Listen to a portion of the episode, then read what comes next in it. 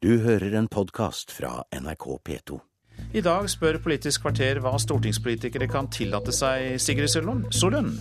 Hvor går grensen mellom engasjement og utidig innblanding? Inga Marte Thorkildsen skylder på det første, men beskyldes for det andre.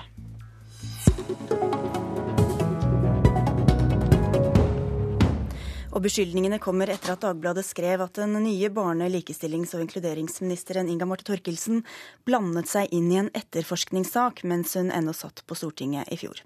Det dreide seg om en barnefordelingssak som hadde vært oppe i retten flere ganger, og der moren anklagde faren for incest. Thorkildsen, velkommen til Politisk kvarter. Takk. Du ringte altså direkte til en politimann som hadde vært etterforsker i saken, og ba om at gutten ble forhørt på ny hos eksperter på barnehuset. Det har du fått mye kritikk for. Mener du fortsatt det var riktig å gjøre det? Jeg er eh, i tvil, eh, og det var jeg den gangen, og det er jeg fortsatt. Jeg ville ikke gjort det som statsråd. Men hvordan vurderer du det nå i ettertid, da? At det var eh, en ekstremt vanskelig sak. Jeg fikk innsyn i dokumenter som viste at et lite barn under sju år hadde fortalt til tre uavhengige instanser at uh, han var utsatt for seksuelle overgrep av faren sin, inkludert i dommeravhør. Uh, og så hadde han i tillegg fått diagnosen posttraumatisk stressyndrom, og det var grunn til å frykte for uh, helsa hans videre. Så mitt anliggende var altså å gjøre oppmerksom på at barnehusene fins, hvor de også har helsekompetanse. Og at han Jeg engasjerte meg jo også for at han burde få sin egen advokat, og ikke da være en del av mors sak, nettopp for å hindre at han skulle bli dratt inn i den barnefordelingssaken. Hvordan eh, foregikk denne telefonen? Altså, presenterte du deg som stortingsrepresentant Inga Marte Torkelsen? Jeg tror ikke det. Eh, men jeg husker ikke det helt konkret. Eh, men det jeg husker, og uansett så spiller det kanskje ingen rolle, fordi at jeg har jo vært i gamet såpass mange år at de fleste, i hvert fall i politiet, vil jo vite hvem jeg er. Eh, så sånn sett så kan jo det sies at det er kritikkverdig uansett eh, at jeg ringte. Hvilket inntrykk tror du det gjorde på en politimann at du ringer og ber om å få saken eh, etterforsket på nytt? Det kan slå begge veier. Og det ser vi jo også når stortingspolitikere velger å ta saker, enkeltsaker i Stortinget. Det kan slå begge veier. Hva slags press tror du han kan ha følt, da? Det er vanskelig å si, men jeg opplevde ikke da eh, ved den samtalen at det ble oppfatta som ubehagelig. Og det jeg sa, var at jeg vet at du ikke kan kommentere om dette mennesket befinner seg i dine papirer i det hele tatt, men jeg vil bare si at eh, jeg er sterkt bekymra for eh, helsa. Og håper at dere kan vurdere å bruke barnehuset ved et eventuelt nytt avhør av gutten. Per Kristian Foss, eh, stortingsrepresentant for Høyre. Du har kalt dette uhørt. Hva er det mest alvorlige som du ser det? La meg først si at jeg har veldig stor respekt for det engasjement som eh, Inger Marte Thorkildsen og flere på Stortinget har for barns rettigheter. Det er et eh, verdifullt engasjement. Heldigvis er det tverrpolitisk. Men i denne konkrete saken har man gått et skritt for langt. Det å ringe politiet i forsøk på å påvirke etterforskningen Særlig i en sak som har vært belyst av politi, påtalemyndighet og rettsapparat gjennom fire år. Er, eh, da, går en, da går man et skritt for langt og tråkker over en grense. For, fordi det er viktig at politiet eh, er uavhengig, og påtalemyndighet er uavhengig. Vi kan ta et eksempel. Hvis noen nå. For hadde forsøkt å påvirke påtalemyndighetenes eh, tiltalebeslutning i en pågående rettssak, som alle vet hva, hva det dreier seg om, så ville det fremstått som åpenbart uhørt. Jeg skjønner at Inga Marte Torkelsen var i tvil. Det er god grunn til det. Men det er god grunn til å minne om at eh, påtalemyndigheten skal være uavhengig, og at vår jobb på Stortinget er å være lovgivende myndighet, slik at engasjementet må eh, løpe ut i å forandre lover, forskrifter mm. Eh, osv. Og, så videre, og tiltak, men ikke selv å blande oss inn i enkeltsaker. Men Torkelsen, Hvis du først skulle engasjere deg i en enkeltsak, hvorfor valgte du ikke da å gå høyere opp, eh, f.eks. til Riksadvokaten med en, formell, en mer generell henvendelse, og bruke denne saken som et eksempel? Fordi mitt anliggende var ikke å få saken gjenopptatt eller å påvirke utfallet av en straffesak, men hvis de skulle foreta et nytt avhør, at de skulle bruke barnehuset. Fordi der har Men de tverretatlig kompetanse. Var ikke etterforskningen avsluttet? Eh, jeg husker ikke hvor saken sto på det tidspunktet. Eh, det var en sak jeg fulgte gjennom lang tid. Og den utvikla seg veldig dramatisk. Barnevernet var jo f.eks. inne i bildet og akuttplasserte barnet. Eh, en veldig spesiell sak. Men jeg har nå i hvert fall lært mye av å følge saken. Og andre saker av tilsvarende karakter. Som... Spørsmålet er fortsatt hvorfor du ringte liksom direkte til en tjenestemann ja. og ikke gikk høyere opp i systemet? Det var faktisk etter råd fra annet politi. Så det er, det er kinkig. Jeg, og jeg ser det er, eh, det er Jeg syns det er veldig vanskelig. å sett i ettertid så, så, ser jeg selvfølgelig det er grunn til å kritisere det. Og jeg respekterer jo eh, at Riksadvokaten er kritisk. Det skulle også bare mangle. For det er viktig å holde armlengdes avstand mellom lovgivende makt og påtalemyndighet, eh, her representert ved politiet. da. Så det forstår jeg godt, men mitt anliggende var altså en sterk bekymring for dette barnets helseutvikling. Og det, til slutt så blei det et samvittighetsspørsmål. og det er Sånn det er hvis du som stortingsrepresentant går inn, velger da å sette deg inn i dokumenter i en enkeltsak, eh, så kan du få informasjon som gjør at du er nødt til å ta et valg om du skal holde deg helt til boka, eller om du noen ganger eh, ser at det er unntak også som rett og slett fordi du må forfølge din egen samvittighet. Det er nok mange på Stortinget som har et samvittighet med uten å gripe inn og gripe til å ringe politiet. Fordi det å ringe en konkret etterforsker er eh, et slags overgrep i seg selv. For da, da representerer jo du makta, myndigheten, autoriteten, og ringer til en vanlig politietterforsker. Og det vil bli oppfattet som et forsøk på å påvirke. Det er det ingen tvil om. Det bekreftes i avisen i dag, både av politiet og påtalemyndighet, at det blir oppfattet som et forsøk på å påvirke. Og Hva hvis du hadde påvirket deg? Hva hvis denne saken da hadde blitt gjenopptatt uh, eh, pga. din telefon? Ja, da kan det jo hende at uh, gutten hadde blitt ivaretatt helsemessig. Men, uh, men da hadde du altså grepet direkte inn i en etterforskningssak? Da, nei, de, jeg husker jo ikke hvor saken sto på det tidspunktet. Men det var jo en pågående sak lenge som både alle hadde elementer av straffesak og barnefordelingssak i seg. Men, men, det, som, men uansett, da. Jeg, jeg, ser at det er uh, ja. kritikkverdig for Kristian Foss. Jeg forstår det. Mm. Eh, og så vil jeg bare understreke at mitt anliggende var ikke å få saken gjenopptatt, men hvis de skulle gjøre et nytt avhør, og bruke barnehuset hvor de også har helsemessig kompetanse. Mm. Men husk på at saken hadde pågått i, i fire år for rettsvesenet gjennom to eh, rettsinstanser, både tingrett og lagmannsrett.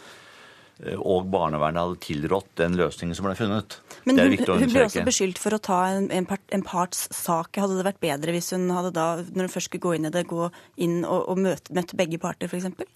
Nei, jeg syns man skal la rettsvesenet ordne opp, og ikke selv forsøke seg på å spille et, et alternativt uh, rettsvesen. Ja, veldig, veldig kort til det også, fordi at uh, mitt anliggende var altså dette barnet sjøl, ikke mora ikke faren.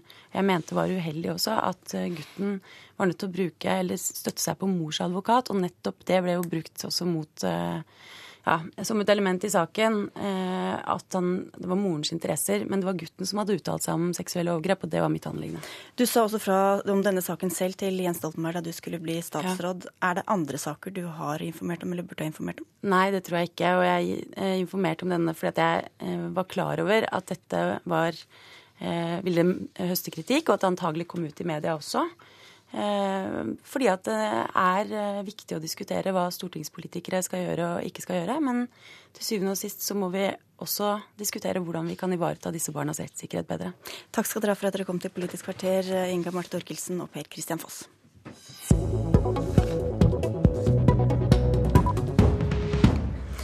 Er mange partier som kritiserer forslaget fra Kristelig Folkeparti om at foreldre med små barn skal kunne jobbe mindre, ned til 80% mens staten dekker halvparten av pengene de taper på det. Ingen partier har så langt hyllet forslaget deres, Dagrun Eriksen, nestleder i Kristelig Folkeparti. Hva er det kritikerne ikke forstår? Nei, jeg syns jo folk er veldig raske til å skyte det ned. Det vi har prøvd å finne ut av, det er hva er de største utfordringene for en småbarnsfamilie i dag. Eh, og det vi ser er at det akkurat i småbarnsfasen å ha litt mer slakk, eh, kanskje jobbe noe mindre, ville vært en sånn idé. Det er det mange som gjør i dag, men det vil si at det er de som har god råd og som klarer å få økonomien til å gå rundt. Vi tror at nettopp en sånn utvidelse av foreldrepengeordningen med også å være en deltidsstøtte når eh, ungene er små, vil kunne være med og gi litt mer rom, og kanskje at litt flere barnefamilier orker å stå i det å ha små barn. Haja Tajik, du er stortingsrepresentant for Arbeiderpartiet og leder et utvalg om partiets fremtidige velferdspolitikk. Og du er vel en av dem som har skutt det ned. Hva tenkte du da du hørte forslaget? Det er jo allerede mulighet for å ta ut graderte foreldrepenger. Altså da kombinere det eh, å, bruke tid sammen med barnet og det å være i arbeid når barnet er veldig lite. Og det som er problemet med forslaget fra Kristelig Folkeparti, er at det, eh, altså, det skal være lønnsomt å arbeide. Og med dette forslaget så er det ikke lønnsomt å arbeide. Eh, og, og, da skaper man to problemer. For det første så er det eh, milliarder det vil koste å, å dekke inn de 10 prosentene som Kristelig Folkeparti foreslår at man skal dekke inn. Eh, I tillegg så går alle, Norge, samfunnet, glipp av verdiskaping, produktivitet, ved at folk jobber mindre. Og da blir det òg mindre penger igjen å bruke på de tiltakene som småbarnsforeldre er opptatt av. Enten det er barnehager, det er skoler eller det er kulturskoler. Ja, Dagrun Eriksen, Da Dagsrevyen spurte hva dere ville prioritere ned for å få råd til dette, svarte du at denne regjeringen ikke har trengt å nedprioritere noe. Betyr det at dette er uaktuelt med mindre det er fortsatt økonomisk vekst? Nei, altså vi, vi, har alltid klart oss å gjøre våre budsjetter opp på en ordentlig måte. Vi pleier til og med å få ros fra sittende regjering på at vi gjør det på en da ordentlig måte. Da må dere kutte i noe annet, da. Og vi må kunne kutte i noe annet. Og vi har nå foreslått dette inn i en programprosess som har inneholder mange forslag. Eh, som både vil være med å gi flere men jeg kan ikke ta alle de, men som vil være med å gi flere inntekter, samtidig som de gir noen utfordringer. Vi har tenkt eh, at eh, i dag er det allerede 44% av kvinner som jobber deltid. Det er 13 av menn som jobber deltid. Hvis man nå lavte opp en ordning som gjorde at i hvert fall de som har det største behovet, de som har små barn, få dette inn i et ordentlig system, så er jo kampen for både ufrivillig deltid og for flere til å jobbe heltid noe som vi må jobbe med parallelt. Men, Men du sier mange gjør dette allerede. Hvorfor skal staten sponse dem som ikke på egen hånd velger å prioritere tid sammen med barna foran f.eks. ferie ferier, klær eller bil eller hva som helst Andre I dag er det ikke bare småbarnsforeldre som jobber deltid. Eh, det er 44% av alle kvinner som jobber deltid.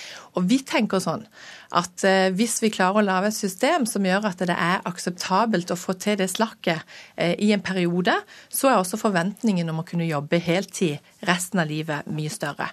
Men jeg tror at eh, vi kommer til å se på både innretningen, vi kommer til å se på, på eh, hvordan dette skal gjennomføres på en sånn måte som gjør at vi når det vi vil, nemlig at småbarnsfamilier får mer tid sammen. Bare for å ha sagt Det det er mange spørsmål som reiser seg, men det er mange ting som ikke er klart, for dette forslaget er fortsatt litt uferdig.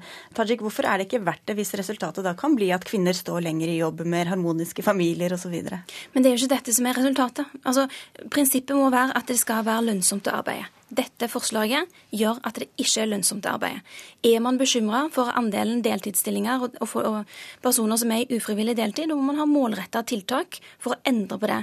Og Diskusjonen i dag eh, for disse kvinnene, som Dagrun Eriksen òg nevnte, eh, nevnte i stad, er jo hvorvidt det skal være rett til heltid, eller om det skal være flere tiltak for å eh, gjøre det mulig for de som i dag er i ufrivillige deltidsstillinger, å arbeide mer. Kristelig Folkeparti er helt alene i det politiske landskapet og i denne diskusjonen om å mene om at det burde være rett til deltid. Konsekvensen av forslaget til Kristelig Folkeparti er at andelen ufrivillig deltid vil òg øke. For hvis det er sånn at noen skal redusere sin stilling til f.eks. 80% så er det noen som må dekke inn de 20 som da blir igjen. Hva vil Arbeiderpartiet gjøre da, for å gi eh, småbarnsforeldre bedre tid og mer harmonisk liv? Det er mange ting som eh, må gjøres, og som er gjort. Eh, det ene er jo, handler om graderte foreldrepenger, som gjør det mulig å kombinere disse tingene bedre. Altså man skal gå ned i jobb, da? Man kan gjøre det når barnet er fra ett til tre år. Så har man muligheten til å ta ut graderte foreldrepenger. Og det er mange som benytter seg av denne muligheten. Men det, så, så det, men da, det forslag... Er, da, De syns jo da at det er greit at foreldrene jobber mindre da? For Forslaget til Dagrun Eriksen koster, Hvis det er 10% av befolkningen som benytter seg av det, så koster det 1 milliard kroner. Er det flere, så koster det flere milliarder kroner bare å dekke inn eh, de, eh, altså de pengene eh, man går ned i stillingsprosent. I tillegg så taper samfunnet og hver enkelt familie milliarder i verdiskaping. Det vil jeg bare innom til slutt her, altså Dagrun Eriksen. Hvem tror du kommer til å velge å være hjemme, da? Kvinner eller menn? Det vil gi en litt større mulighet for menn til å være hjemme, fordi at det blir en lønnsinndekning for det tapet som du har. Og det vil si at hvis det har vært økonomi som har vært avgjørende på hvem som har vært hjemme, så vil det nå gi litt større mulighet for menn til å gjøre det. Ja, Men tror du det? At det er mennene som kommer til å være Ja, med den utviklingen vi nå ser på, på økt bruk av fedrekvote, fedre som tar større og større ansvar for hjemmet, så tror jeg at det vil vi kunne se også på dette forslaget, som vi har sett på kontantstøtte etter hvert, selv om det tar lang tid. Er du like optimistisk, Tajik? Nei, altså forslaget til Dagrun Eriksen, det koster altså Hvis det er tre milliarder kroner det er snakk om, eh, antageligvis koster det mye mer, så tilsvarer det 5000 200 lærerårsverk i grunnskolen. Og jeg vil jo tro at de fleste foreldre er opptatt av at man skal ha gode barnehager. Det var ikke det som var spørsmålet. Gode spørsmålet var likestillingsaspektet. Vi ser jo allerede i dag at selv om Norge er land, altså verdens eh, mest likestilte land, så er eh, veldig mange av de eh, altså Man ser at det til tross for det er sterke kjønnsrollemønstre òg i Norge. Og vi risikerer at dette forslaget vil, vil gjøre det lønnsomt å forsterke de kjønnsrollemønstrene som vi ser i dag. Det, jeg kan skjønne økonomi, at ikke man ønsker å prioritere familie. Det har denne regjeringen vist at ikke de ønsker. Ja, men, men, jeg tenker også at det som, som jeg syns er veldig rart, er at når man utvider foreldrepermisjonstida noe, som er det vi gjør, så blir dette plutselig et fryktelig fryktelig ideologisk og vanskelig problem. Vi kommer til å satse på familier, vi kommer til å prioritere forslag som dette, og så får vi se hvordan landsmøtet ender til slutt. Da er vi på overtid. Takk skal dere ha for at dere kom, Dagrun Eriksen og Haja Tajik. Jeg heter Sigrid Solund. Du har hørt en podkast fra NRK P2.